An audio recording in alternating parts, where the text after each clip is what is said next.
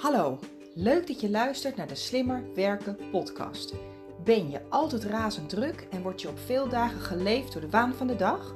Voel je jezelf hierdoor vaak opgejaagd en gestrest en merk je dat dit in kosten begint te gaan van je gezondheid en je privéleven? Dat is niet nodig, want je kunt er iets aan doen. Mijn naam is Jennifer Boskeljon en met Werk Slimmer Niet Harder is het mijn missie om jou te helpen met het creëren van meer overzicht, controle en balans in je werk en je leven. In deze podcast deel ik slimme tips en inspiratie met jou, zodat ook jij kunt werken en leven met minder stress en meer plezier. En je uiteindelijk meer tijd en energie hebt voor dat waar je echt blij en gelukkig van wordt. Luister je mee? Ik heb er zin in. Hallo lieve luisteraar, welkom bij weer een nieuwe aflevering van de Slimmer Werken podcast. Vandaag wil ik het met je hebben over iets waar ik denk ja, bijna niemand immuun voor is en ik zelf ook niet.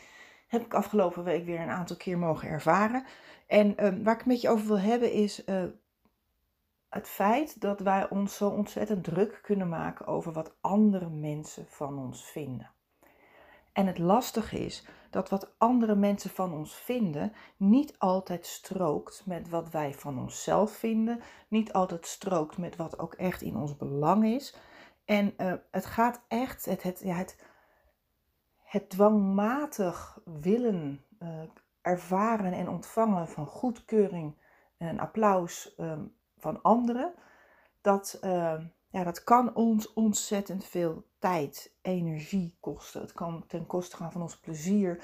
Het, kan onnodig veel angst en, en, stress en frustratie opleveren. Simpelweg omdat we dan uh, zo bezig zijn met het doen van wat wij denken dat andere mensen van ons willen of vinden.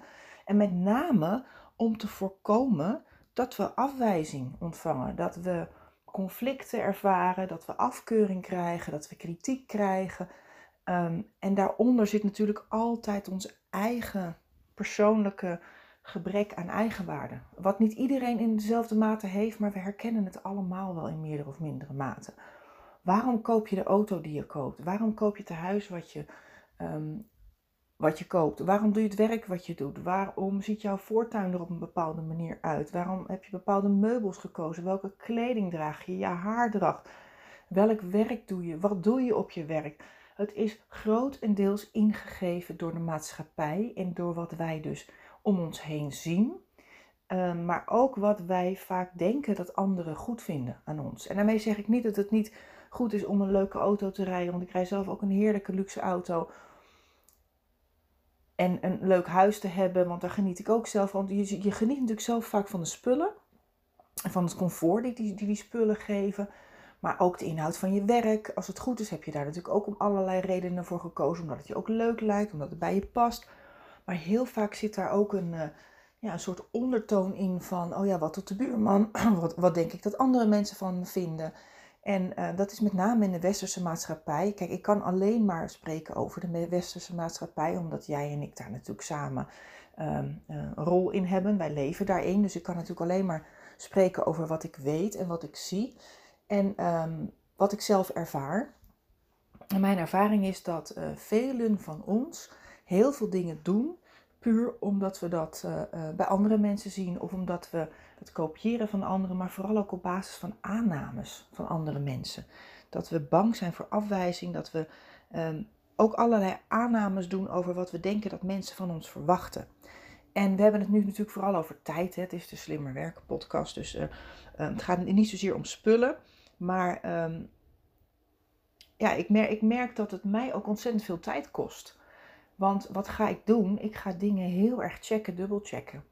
Ik ga dingen herschrijven. Ik ga op het moment dat ik bang ben voor afwijzing, als ik een, uh, ja, weet dat ik een moeilijk gesprek moet hebben, of als ik weet dat ik uh, een presentatie geef waarvan ik vermoed dat er wat weerstand in de zaal is, bijvoorbeeld, dan, dan merk ik dat ik toch meer tijd en energie besteed aan het maken van zo'n presentatie. Dan ga ik nog de handouts een keer aanpassen. En het stomme is, um, ik heb daar volgens mij al eerder over verteld in een andere aflevering over uh, minder perfect meer effect, gaat over perfectionisme, dan komt de wet van de verminderde meeropbrengst. En die stelt eigenlijk dat de tijd die we aan iets besteden niet altijd evenredig veel resultaat oplevert. Dus als jij een uur ergens aan werkt, dan is het goed, een 7 of een 8. En op het moment dat jij uh, ergens anderhalf uur aan werkt, dan wordt het niet ineens een 16. Nee, het wordt dan een 8 of een 8,5 of een 9. En dat betekent dus dat uh, de meeropbrengst van wat je doet altijd vermindert naarmate je ergens langer aan werkt. Um, en daar, dat, dat, dat, dat is ook heel vaak omdat we bang zijn om fouten te maken. Want als jij iets doet, vaak is het in eerste instantie best goed genoeg. Maar wat gaan we doen? We gaan checken, we gaan dubbelchecken. En dat doen we ook heel vaak omdat we bang zijn om fouten te maken. En ik heb daar deze week zelf een voorbeeld van meegemaakt. Um, ik had een nieuwsbrief over, uh, het ging trouwens over Helpaholics. Dus die, die, die uh, aflevering die, uh, die staat volgens, dus volgens mij nummer 125 uit mijn hoofd. En daar had ik toen een keer een leuk stukje voor geschreven. Dus ik dacht, nou die ga ik nu ook een keertje als nieuwsbrief uitsturen. En dus ik had nog een tekstje, dat heb ik geredigeerd en nog een keer aangepast en nog een keer beter gemaakt. Ik denk, ja, moet toch weer een beetje iets nieuws bevatten. Dus daar ben ik best wel lang mee bezig geweest. Ik heb mezelf twee keer een testmail gestuurd. En toen ik echt dacht van ja, nou, poeh, nou ik er klaar mee, nu is het goed genoeg. Heb ik hem nog één keer snel doorgelezen en druk op send. Vervolgens zie ik hem in mijn eigen mailbox binnenkomen. Dat was dus de officiële. En ik open hem nog een keertje om eigenlijk om, te, om soort van te genieten van het resultaat. Van, oh, ik heb een leuke nieuwsbrief, daar ben ik trots op. En wat zie ik? Het eerste blok in de mailing is gekopieerd per ongeluk. Dus er staat beste Jennifer, comma, met de introductietekst. En dan staat er daaronder weer een blok, beste Jennifer, comma, met de introductietekst. En daarna gaat de rest van de mail pas door. Nou, ik kon door de grondzak. Ik was zo pissig, gefrustreerd, boos. Maar waarom? Omdat ik dacht, wat zullen al die mensen wel niet denken? Alle mensen die die mail ontvangen, dat is mijn hele klantenbestand, mijn hele relatiebestand. Wat moeten die mensen wel niet denken? En eigenlijk, ja, ze zullen heus wel wat denken, maar ten eerste is het feit al geschied. Ik kan er niks meer aan doen. Um, en ten tweede heb ik vooral mezelf ermee. Want ik was echt wel, nou, ik denk wel een uur zagrijnig. En de reden dat ik al gecheckt, check, dubbelcheckt had, was omdat ik het zo belangrijk vind dat die mailings er goed uitkomen. Want ik, ik vind het verschrikkelijk als er een komma verkeerd staat of een D of een T of een werkwoordsvorm. Want ik, vind, ik wil gewoon niet dat andere mensen denken dat ik slordig ben. Ik wil niet dat andere mensen denken dat ik uh, uh, mijn Nederlandse taal niet goed beheers. Ze willen, ik wil niet dat ze denken dat ik niet professioneel ben. En dit is eigenlijk met name de slordigheid en de professionaliteit. Dat zijn twee dingen die, uh, ja, die in dit geval, in mijn beleving, ik dus ja, uh, communiceerde door dit niet goed te doen. En natuurlijk weet mijn bewuste brein ook heus wel, joh, ook, ook, eh, ik denk dat één op de drie mensen daadwerkelijk die, die, die e-mail opent en vervolgens denken ze van, oh ja, het kan gebeuren. Dus, maar ik vind het wel ontzettend vervelend. Ik ging echt door de grond. En um, dit zijn dus precies die dingen die ik wil voorkomen.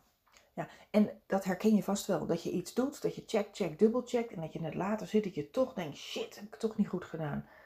En uh, daarmee saboteren we onszelf ook heel erg. Want het feit dat wij iets perfect willen doen, dat zegt alles over ons. Daar zit echt een gevoel van gebrek aan eigenwaarde onder.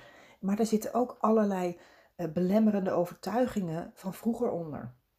Vroeger hebben wij misschien ook het idee gehad, om wat voor reden dan ook, vaak onbewust en onbedoeld van onze ouders, toch het idee gekregen dat wij um, alleen maar goed genoeg waren als we goed genoeg deden. En dat merk ik, dat heb ik bij mijn dochters precies hetzelfde gedaan, weet ik nu achteraf. Ik denk, verdorie, waarom had ik deze kennis niet twintig jaar geleden? Maar ik heb ze ook altijd geprezen voor wat ze goed deden. En daarmee zeg ik niet dat ik ze niet de knuffel gaf van je bent lief of uh, wat ben ik blij met je. Dat, wil, dat soort dingen heb ik ook heus wel tegen ze gezegd en uitgestraald. Maar ook ja, als ze met een geweldig goed rapport thuis kwamen waarvan wij het geluk hadden dat dat ook zo was. Allebei. Ja, het is hier een beetje druk in de straat, vuilniswagen. Maar um, um, dat even terzijde. Maar ik weet nog wel dat wij daar heel erg. En dan gingen we naar opa en oma. Kijk eens wat een mooi rapport ze heeft. Kijk eens wat goed. En kijk eens, ze zit boven het gemiddelde met alles. Dus uiteindelijk hebben wij onze meiden ook allebei geleerd dat je goed bent door wat je doet. En dat is onbedoeld en ik, ik kan daar boos over worden of ik kan daar uh, spijt van hebben, ik kan daar verdrietig over worden. Nee, dat is gewoon zoals het is en dat is ook zoals het heeft moeten zijn. Want als ik anders had gekund, had ik anders en beter gedaan. Maar het is wel de boodschap die wij vooral in de westerse samenleving heel erg meekrijgen. Dat we vaak pas goed genoeg zijn als we iets perfect of goed doen. En dat nemen wij mee en die overtuiging, die projecteren wij op alles en iedereen om ons heen. Um, op het moment dat jij uh, rommel in je voortuin hebt liggen of ja, ik noem maar wat, gisteren kwam onverwachts mijn schoonzus langs en er was niet gestofzogen en er lagen allerlei hoopjes met, uh, met hondenhaar. Ja, het eerste wat ik denk, hey shit, ik heb niet gestofzogen. Of op het moment dat een, um, nou ja, als we maar eventjes naar, naar het werk trekken. Op het moment dat jij een foutje maakt in een document of iets over het hoofd hebt gezien. Het eerste wat we denken is, hé verdorie, zullen die collega's wel niet denken. En dat is gewoon ontzettend zonde, want het gaat echt ten koste van ons werkplezier, van onze tijd, van onze gezondheid, van ons geluk. En al die aannames, die projecteren we ook op anderen. We denken ook heel vaak dat wat wij belangrijk vinden, wat wij willen, um, dat andere mensen dat ook zo vinden en zo zien. En dat is natuurlijk ook niet zo. Dus daar kunnen we ook best wel veel tijd en energie lekken door ons te verbazen uh, boos te maken, te frustreren. Want verbazen is dan nog een beetje de meest positieve vorm. Van wat andere mensen wel of niet doen. En hoe ze het doen. En waarom ze het doen. En misschien wat ze juist laten. Van ja, dat zou ik toch wel doen. Dus uiteindelijk uh, kunnen we daar ontzettend veel tijd en energie aan lekken. En dat zijn eigenlijk die hoge latten die wij zelf zo hoog hebben, uh, hebben opgehangen. Terwijl ze eigenlijk helemaal niet realistisch zijn. Want uiteindelijk hebben we die lat vooral zelf opgehangen. En ook onze ouders zijn helemaal niet, in veel gevallen helemaal niet zo streng voor ons geweest als dat wij dat dachten. Maar uiteindelijk um, ja, projecteren we of, adopteren of conditioneren we dat zelf. En dat idee, um, kijk in, in, onze huidige maatschappij is dat wel een stuk minder. Maar nu, is het, nu gaat het misschien meer om geld en om status. En, maar vroeger, de generatie van voor mij, van mijn ouders, die zijn nu in de zeventig die, en, met name de generatie daarvoor was nog veel heftiger.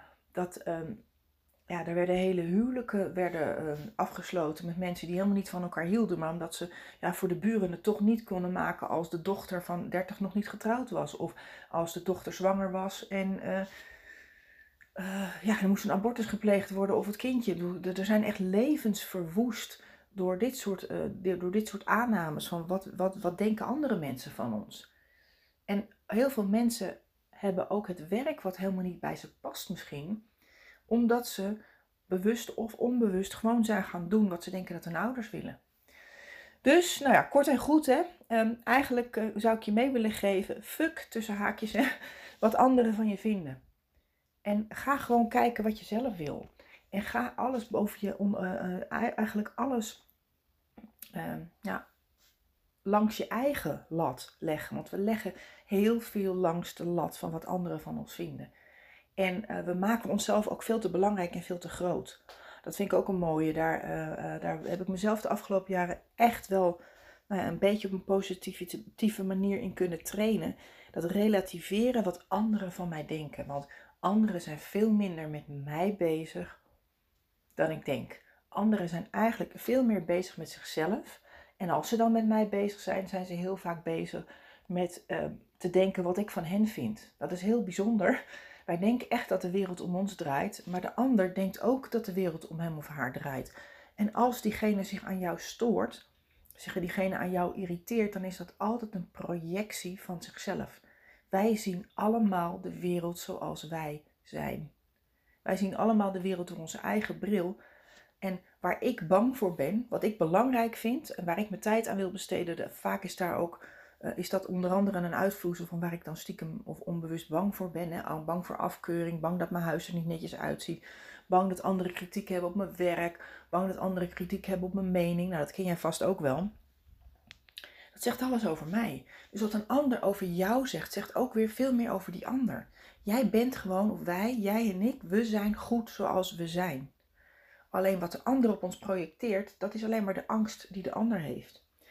En um, wat, wat mij ook ontzettend geholpen heeft daarbij, is dat ik dus mijn gedachten ook uh, ja, probeer te challengen of probeer uit te dagen. Is het echt waar? eh, wil die ander echt dat ik dit van hem overneem? Of eh, is die ander echt ontevreden als ik X, Y of Z niet voor hem doe? En heel vaak is dat ook niet zo. En wat je dan kunt doen eigenlijk, um, dat is ook een tip die ik je wil meegeven voor het geval je dat nog niet deed. Fuck, echt stop met aannames. Stop echt met aannames. Ga altijd checken. Als je ergens mee bezig bent, als je denkt, oh die collega die wil het vast niet van me overnemen. Of oh dit document moet zeker minimaal drie pagina's zijn. Of uh, het moet 100% correct zijn. Of het moet helemaal goed zijn.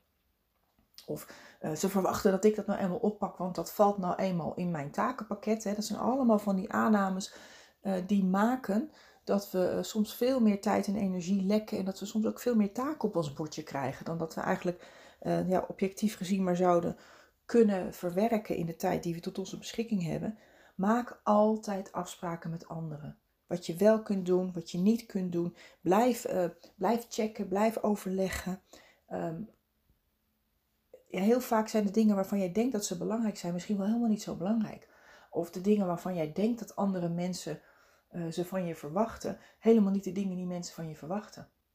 Het meest ideale geval um, ben, je, ben je eerlijk. En dan heb ik het op een respectvolle manier. En heb ik niet het soort eerlijk van ja, uh, tegen je collega van je bent een sukkel, waarom doe je dit niet, of klagen. Of Tuurlijk, hè, soms moet je voor de lieve vrede echt wel even wat, wat meningen inslikken of wat meningen op een manier verpakken waarvan je denkt, nou ja, ik doe dat maar voor de lieve vrede. Um, maar uiteindelijk is het wel heel belangrijk om eerlijk te zijn. Het is vaak niet aardig om, om aardig te zijn. Het is vaak veel aardiger om eerlijk te zijn. Dus vraag het, check het, zeg wat je ergens van vindt. En op een respectvolle manier kun je eigenlijk alles zeggen tegen iedereen. Um, wat ook belangrijk is, of tenminste wat ik je mee wil geven, is dat je vooral voor jezelf helder hebt wat je voor jou belangrijk is, wat bijvoorbeeld jouw kerntaken zijn. Als jij van jezelf weet um, wat belangrijk is voor jou in je werk bijvoorbeeld of in je leven, dan is het veel makkelijker om nee te zeggen tegen anderen, want dan weet je waar je ja tegen zegt. En um, het belangrijkste is ook dat je helder hebt wat je kernwaarden zijn. Want dat helpt ook om te relativeren. Heel vaak doen we dingen omdat we denken dat andere mensen ze van ons verwachten, maar die stroken dan niet met jou of mijn kernwaarden. Dan, um, een van mijn kernwaarden is bijvoorbeeld vrijheid. Dus ik wil niet te veel verplichtingen hebben. Ik weet dat op het moment dat mijn kern, de kernwaarde van vrijheid in het gedrang komt, omdat ik dan te veel verplichtingen heb of ik te veel dingen gepland heb, want dat, dat belemmert mij natuurlijk ook in mijn vrijheid. Hè? Als ik veel verplichtingen heb aan te gaan, of ik veel plekken moet zijn, veel trainingen in één week moet geven, moet tussen haakjes mag geven, ook al doe ik het mezelf aan, dan, uh, dan merk ik dat ik belemmerd word in mijn kern, uh, mijn kernwaarde van vrijheid. Hetzelfde geldt voor plezier. Als mensen de hele dag klagen en alles moeilijk en lastig is, dan merk ik dat mijn kernwaarde van plezier in het gedrang komt. Um, en jij hebt misschien andere kernwaarden, misschien wel uh, respect, eerlijkheid, uh, verantwoordelijkheid nemen. Op het moment dat jij bijvoorbeeld eerlijkheid hebt als een van je kernwaarden, als dat heel belangrijk voor je is als mensen eerlijk zijn en jij graag ook zelf heel eerlijk wil zijn, dan kunnen we heel ongelukkig zijn op het moment dat we in een omgeving werken of handelen of leven waarin uh, mensen niet eerlijk zijn. En dan merk je dat dat ten koste begint te gaan van je eigen gezondheid en je eigen geluk. Maar als je dan bijvoorbeeld in een omgeving werkt waar de morris nou eenmaal is, dat je een beetje liegt tegen de klant en een beetje een kommaatje hier verzwijgt en een dingetje daar verzwijgt. Ik, ik doe bijvoorbeeld ook veel um, trainingen geven bij gemeenten en er zitten heel veel politiek gekonkel onder. En daar moet je tegen kunnen. Daar moet je echt tegen kunnen. Daar zou ik niet tegen kunnen. Want ik, zou, ik vind het helemaal niet fijn als mensen niet respectvol zijn en niet eerlijk zijn tegen elkaar. Ook al doen ze dat dan zogenaamd voor het grotere goed, hè, om bijvoorbeeld een bepaalde wet of iets erdoor te krijgen of een bepaald beleid eh, te kunnen uitrollen. Ik zou daar niet passen. Het zou voor mij niks zijn. Dus op het moment dat jij uh, dingen doet waar je ongelukkig van wordt, dan doen we dat heel vaak omdat we ons willen aanpassen aan de omgeving waar we op dat moment zijn. Omdat we, zoals ik net aangaf, die conflicten niet aan willen gaan, de afkeuring niet willen en niet willen ervaren, dan zijn we nog wel eens geneigd om onze eigen kernwaarden opzij te zetten en dingen te doen die helemaal niet bij ons passen, waar we ons helemaal niet fijn bij voelen. Dus onthoud ook, hè, dus weet wat belangrijk voor je is, zorg dat je je kerntaken helder hebt, maar zorg ook dat je weet wat je kernwaarden zijn. En als je het doet, waar jij je goed bij voelt, dan, eh, dan zul je merken dat het je ook minder interesseert wat andere mensen van je vinden. Dat, dat kan natuurlijk niet altijd even makkelijk en even snel. Maar mijn kernwaarde is bijvoorbeeld, wat ik net zei, vrijheid, het is plezier, het is respect hebben voor mensen. Natuurlijk is dat logisch, als in principe zou iedereen dat als kernwaarde moeten hebben. Maar ik vind het heel belangrijk om mensen te respecteren in hun vrijheid, bijvoorbeeld. Ehm, maar ook uh, vriendschap is bijvoorbeeld ook een kernwaarde die ik heel belangrijk vind. Dus als, even het voorbeeld, als mijn schoonzus gisteren onverwachts binnenkomt, dan kan ik wel denken, ja, nee, ik heb geen tijd en ik heb andere dingen te doen. Nee, ik respecteer haar. Ik vind het fijn dat ze langskomt en dan zorg ik dat ik daar tijd voor maak. Alleen als blijkt dat, uh, ja, dat iemand bijvoorbeeld over je grenzen gaat en bij wijze van spreken drie keer per week langskomt. En je merkt dat je denkt, ja, ik kan geen nee zeggen of ik vind het vervelend om nee te zeggen. Dan zou het kunnen zijn dat het ten koste gaat van jou. En dan is het weer belangrijker om eerlijk te zijn. Belangrijker dan eerlijk te zijn dan om aardig te zijn. Dus zeg ook wat je wel en niet kunt ja, geef dat ook aan. Daar heb je echt recht op. Dus ehm, zorg dat je je grenzen stelt en dat je ook goed voor jezelf zorgt. Maar je moet natuurlijk eerst weten hè, wat jouw grenzen zijn. Maar het is zeker niet egoïstisch om goed voor jezelf te zorgen. En ook dat kom ik in bijna alle coach- en trainingen van de afgelopen weken tegen. Mensen die heel goed alles doen voor anderen, maar daarbij vergeten dat het belangrijk is om ook goed voor jezelf te zorgen en de dingen doen die belangrijk voor jou zijn. Dus jouw kerntaken doen en, eh, en, en je houden aan jouw kernwaarden, zodat jij doet wat jij belangrijk vindt, waar jij gelukkig en gezond van wordt, maar ook waar jij dus ook het meeste impact kunt maken voor de organisatie en de wereld en waar jij dus ook het meest het verschil kunt maken, waarbij jouw toegevoegde waarde gewoon het, het grootste of het meest optimaal is. En dat kan dus ook betekenen dat je pauze neemt, want dat, dat betekent dat, dat je namelijk als je pauze neemt en goed voor jezelf zorgt, af en toe even wat leuks gaat doen. En dan kun je daarmee ook meer impact maken en met betere en betere energie ehm, de goede dingen doen. Um, dan ben je aardig voor jezelf. En, en aardig zijn voor een ander betekent dat je niet altijd aardig bent voor jezelf. En je kunt aardig zijn voor een ander, terwijl je toch aardig blijft voor jezelf. En dat doe je vooral door eerlijk te zijn. Eerlijk naar jezelf, maar ook eerlijk naar de ander. Wat je wel en wat je niet kunt doen. Um, en de laatste die ik je nog mee wil geven is, ik wil je, uh, nou, ik, weet, ik weet niet of je er wel eens uh, van gehoord hebt, Bronnie Ware, dat is een, uh, een verpleegster uit de palliatieve zorg. Die heeft ooit een onderzoek gedaan, dat heet The Regrets of the Dying. En um, wat ze heeft gedaan is, ze heeft een aantal mensen geïnterviewd die op een sterfbed lagen. Um, en ze heeft ze gevraagd, waar heb je nou het meest spijt van als je terugkijkt op je leven? En daar kwamen een aantal, uh, aantal uh, nou ja, dingen naar voren waar ze, waar ze spijt van hadden.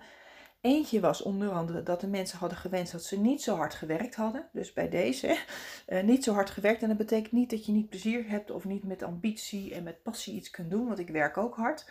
Maar uh, ze hebben er spijt van. Ook dat ze zich zo druk hebben gemaakt over wat andere mensen van ze vinden. En vaak een van de redenen dat we zo hard werken is vaak omdat we ons zorgen maken over wat andere mensen van ons vinden. Want we zijn vooral bang dat we het label krijgen van lui en ongeïnteresseerd en niet gemotiveerd, niet collegiaal. En goed voor jezelf zorgen betekent helemaal niet dat je niet collegiaal bent. Of um, niet alles oppakken wat iedereen aan je vraagt, betekent ook niet dat je niet aardig bent. Want je bent vooral je bent eigenlijk aardiger voor het collectief als je ook aardig voor jezelf bent. En het zorgen maken om wat andere mensen van ons vinden, het door hoepels proberen te springen die andere mensen hebben opgehangen voor jou, waarvan je eigenlijk wel je afvraagt of je daardoor wel door zou moeten of willen springen. Dat gaat allemaal ten koste van jezelf, van je eigen gezondheid en van je eigen geluk. En ik zeg altijd, we zouden de wereld met z'n allen echt een heel stuk mooier kunnen maken als iedereen nu, vanaf nu, zou doen wat hij zelf wil. En daarmee bedoel ik niet het hedonistische zelf willen van gokken en seks. En, en, maar uiteindelijk, als iedereen doet waar hij blij van wordt, waar hij goed in is, wat hij leuk vindt om te doen, waar hij blij van wordt, waar hij gelukkig van wordt, dan heb jij ook heel veel geluk en liefde aan een ander te geven. En als jij veel hebt aan een ander te geven, dan kun je andere mensen ook helpen. Dan kun je ook vanuit een intrinsieke motivatie andere mensen helpen. En dan kun je vanuit een intrinsieke motivatie misschien je huis netjes opruimen of uh, je voortuin bijharken of een uh, vergadering bijwonen of een project oppakken op je werk. Dat doe je dan vanuit intrinsieke motivatie. Omdat je de energie hebt, omdat je de inspiratie hebt, omdat je er plezier in hebt, omdat je echt het idee hebt dat, dat dit is wat je wil doen. Maar heel veel van de dingen doen we, en daarom zijn we vaak ook zo druk, hè? en daarom zijn we ook op een uitgebluste, ja, niet zo hele leuke manier. Hè? Ik geef ook even een zucht hè, van uh, gadverdamme, manier druk. Omdat we vaak vooral veel dingen doen waar we geen energie van krijgen. Dus vaak zijn we niet moe of uitgeblust omdat we te veel doen. Nee, we doen te weinig van de dingen waar we echt goed in zijn, waar we echt blij van worden, waar we echt energie van krijgen. Als jij op je werk of in je privéleven iets doet waar je echt uh, energie van krijgt en wat je leuk vindt, dan heb je daarna, ben je misschien wel lichamelijk moe, maar je hebt er je barst erna van de energie. En, dat, uh, uh, en met name het je druk maken over wat andere mensen van je vinden. Ja, maar wat als ik nou nee zeg en als ik die collega nou niet verhelp? Zij, hij of zij staat in mijn bureau en heb je even tijd? Ja, ik heb eigenlijk geen tijd, maar ik ga het toch maar doen omdat ik bang ben voor het conflict of voor die afwijzing. Of mensen vragen je om aanwezig te zijn bij een vergadering van je eigenlijk denkt van, oh, moet ik hier wel bij aanwezig zijn? Of je telefoon gaat. Je hoeft niet altijd direct overal op te reageren. Je hoeft niet altijd een positief antwoord te hebben als in ja. Want eigenlijk is die manier van positief antwoorden zelfs negatief. Want het heeft ook een negatief effect op je relatie met de ander. Want mensen voelen gewoon of jij wel of niet oprecht iets wil doen. Jouw weerstand, die je misschien probeert niet uit te stralen, die straal je altijd toch uit. Dus op het moment dat jij ja zegt, maar eigenlijk nee voelt, nee denkt, dan straal je dat uit in je micro-expressie, in je energie, in je intonatie. En uh, dan kun je beter zeggen ja, maar niet nu. Ik noteer het even, ik kom er later bij je op terug. En daar kan bijvoorbeeld je, je, je werkstructuur weer heel goed bij helpen. Dus zorg dat je altijd een planning bijhoudt in grote lijnen. Voor zover het in jouw vakgebied maar mogelijk is natuurlijk. Hè. Um, dat je een, een takenlijst hebt of een briefje naast je hebt liggen waarbij je alles uit je hoofd in je systeem kunt noteren. En op het moment dat iemand aan je bureau staat, terwijl je eigenlijk ergens geen tijd voor hebt, of uh, bij wijze van spreken, er komt iemand bij je thuis op visite en je hebt er geen tijd voor, je mag altijd zeggen ja, maar niet nu. En noteer het dan op je takenlijst, zet het in je planning. En um, je hoeft niet altijd te doen wat anderen van je willen. En onthoud ook dat wat jij denkt dat anderen, wat andere mensen van je willen, is ook niet altijd wat letterlijk dat is wat ze van je willen. Dus check dat ook altijd. En um, eigenlijk zou de stelregel voldoende moeten zijn. Als jij daar niet blij van wordt, is het niet goed. Dan hoef je het niet te doen. En daarmee bedoel ik niet. En heb ik het met name. Je hebt natuurlijk ook wel dingen als korte termijn lange termijn. Ik, ik word op zich niet blij van het maken van mijn facturen. Maar ik word op lange termijn wel blij als ik merk dat mijn facturen betaald zijn. En als ik met dat geld wat ik um, uh, verdien ook leuke dingen kan doen met mijn gezin. Of kan investeren in mijn bedrijf, in mijn zichtbaarheid. Dus er zijn natuurlijk allerlei gradaties van ergens blij van worden. Als je blij wordt van het eindresultaat, dan kun je soms op korte termijn iets doen waar je wat minder blij van wordt, als je maar blij wordt van het eindresultaat. Maar heel vaak doen we de dingen niet omdat we blij zijn voor het eindresultaat. Nee, we zijn bang voor het negatieve effect als we het niet doen. En met name dat negatieve effect wat we bij anderen uh, teweeg brengen. De reactie van anderen. En dat is eigenlijk een beetje de basis van deze aflevering. Tuurlijk, het is echt niet fuck wat andere mensen van je vinden. Want wij zijn gewoon een energetisch sociaal wezen. Wij willen graag aardig gevonden worden. Het is heel belangrijk dat we de wereld mooier maken door andere mensen te helpen. Maar niet ten koste van jezelf. En niet als een soort martelaar, omdat je bang bent ja, eigenlijk ja, misschien wel vanuit een soort weerstand. Even, oh, als ik het niet doe, doet niemand het. Of nou, laat ik het maar doen, want anders worden ze boos. Of anders zijn ze teleurgesteld in me. Jij bent niet verantwoordelijk voor het geluk of het succes van de ander. Dus als een collega het druk heeft, betekent niet dat jij het extra druk hoeft te hebben om alles van hem of haar over te nemen. Wat je wel kunt doen, is met elkaar even om de tafel zitten de li lijst erbij pakken van wat heb jij te doen, wat heb ik te doen. Laten we van, het, van die hele uh, bak met werkzaamheden die er liggen. Laten we met elkaar de prioriteiten bepalen en laten we de taken verdelen. Maar wat we heel vaak doen als we het druk hebben, dan worden we juist egoïstisch.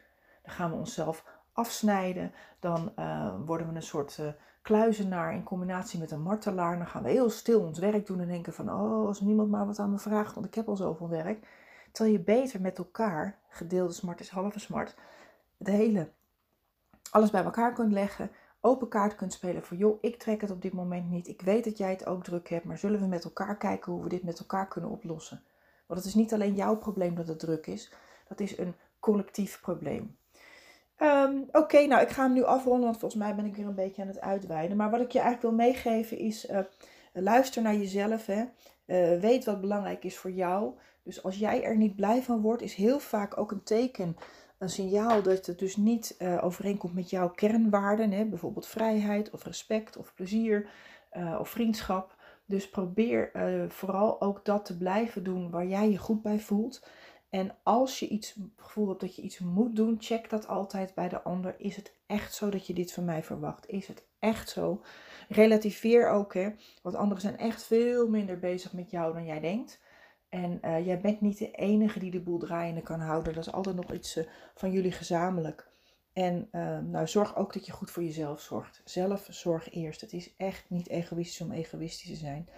En kijk ook hoe jij terug wil kijken op je leven. En heel vaak willen we niet terugkijken op ons leven met het idee dat we zo hard gewerkt hebben en helemaal geen plezier hebben gehad. Of dat we vooral hebben gedaan wat anderen van ons verwachten. En uh, dat wat anderen van ons verwachten, dat is, een, dat is op hun konto. Wat zij van ons verwachten heeft niets met ons te maken. Waar jij je wel invloed kunt eh, op uitoefenen, of waar jij wel 100% zelf je eigen verantwoordelijkheid te nemen hebt, is natuurlijk in het aangeven van wat je wel en niet kunt doen, het vragen van hulp, het stellen van je eigen prioriteiten, het communiceren over wat, jij, uh, wat je wel en wat je niet doet, um, het overleggen, het bespreekbaar maken. En natuurlijk, je bent ook verantwoordelijk voor je eigen zorg, zelfzorg eerst. Oké, nou ik ga hem afronden. Ontzettend bedankt voor het luisteren. Um, ik had het volgens mij net over die nieuwsbrief. Wat ik nou vergeten ben, is dat ik je wil vragen en uitnodigen om lid te worden van die nieuwsbrief. Als jij naar mijn website gaat, wsnh.nl, dan staat er ergens in het midden staat een banner. En op die banner kun je klikken en dan kun je, je lid worden van de Slimmer Werken Community. Dan krijg je één keer eh, in de twee weken tot één keer per maand. Heel veel vaker zal het niet zijn, want meer tijd maak ik daar niet voor. Uh, een nieuwsbrief van mij. En dan hoop ik dat hij de volgende keer wel goed is. En dat ik niet uh, de fout heb gemaakt om op wat voor reden dan ook twee keer uh, de introductie alinea erin te zetten. Nou, ontzettend bedankt voor het luisteren. En heel graag tot de volgende keer.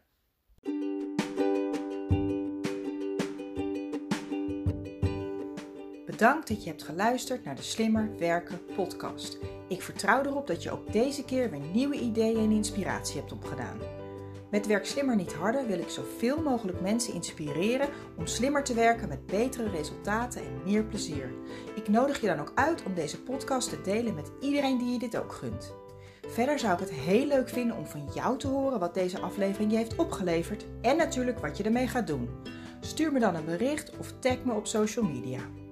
En wil je nog meer tips en inspiratie? Kijk dan op wsnh.nl voor artikelen en downloads. Heel veel succes en graag tot de volgende keer.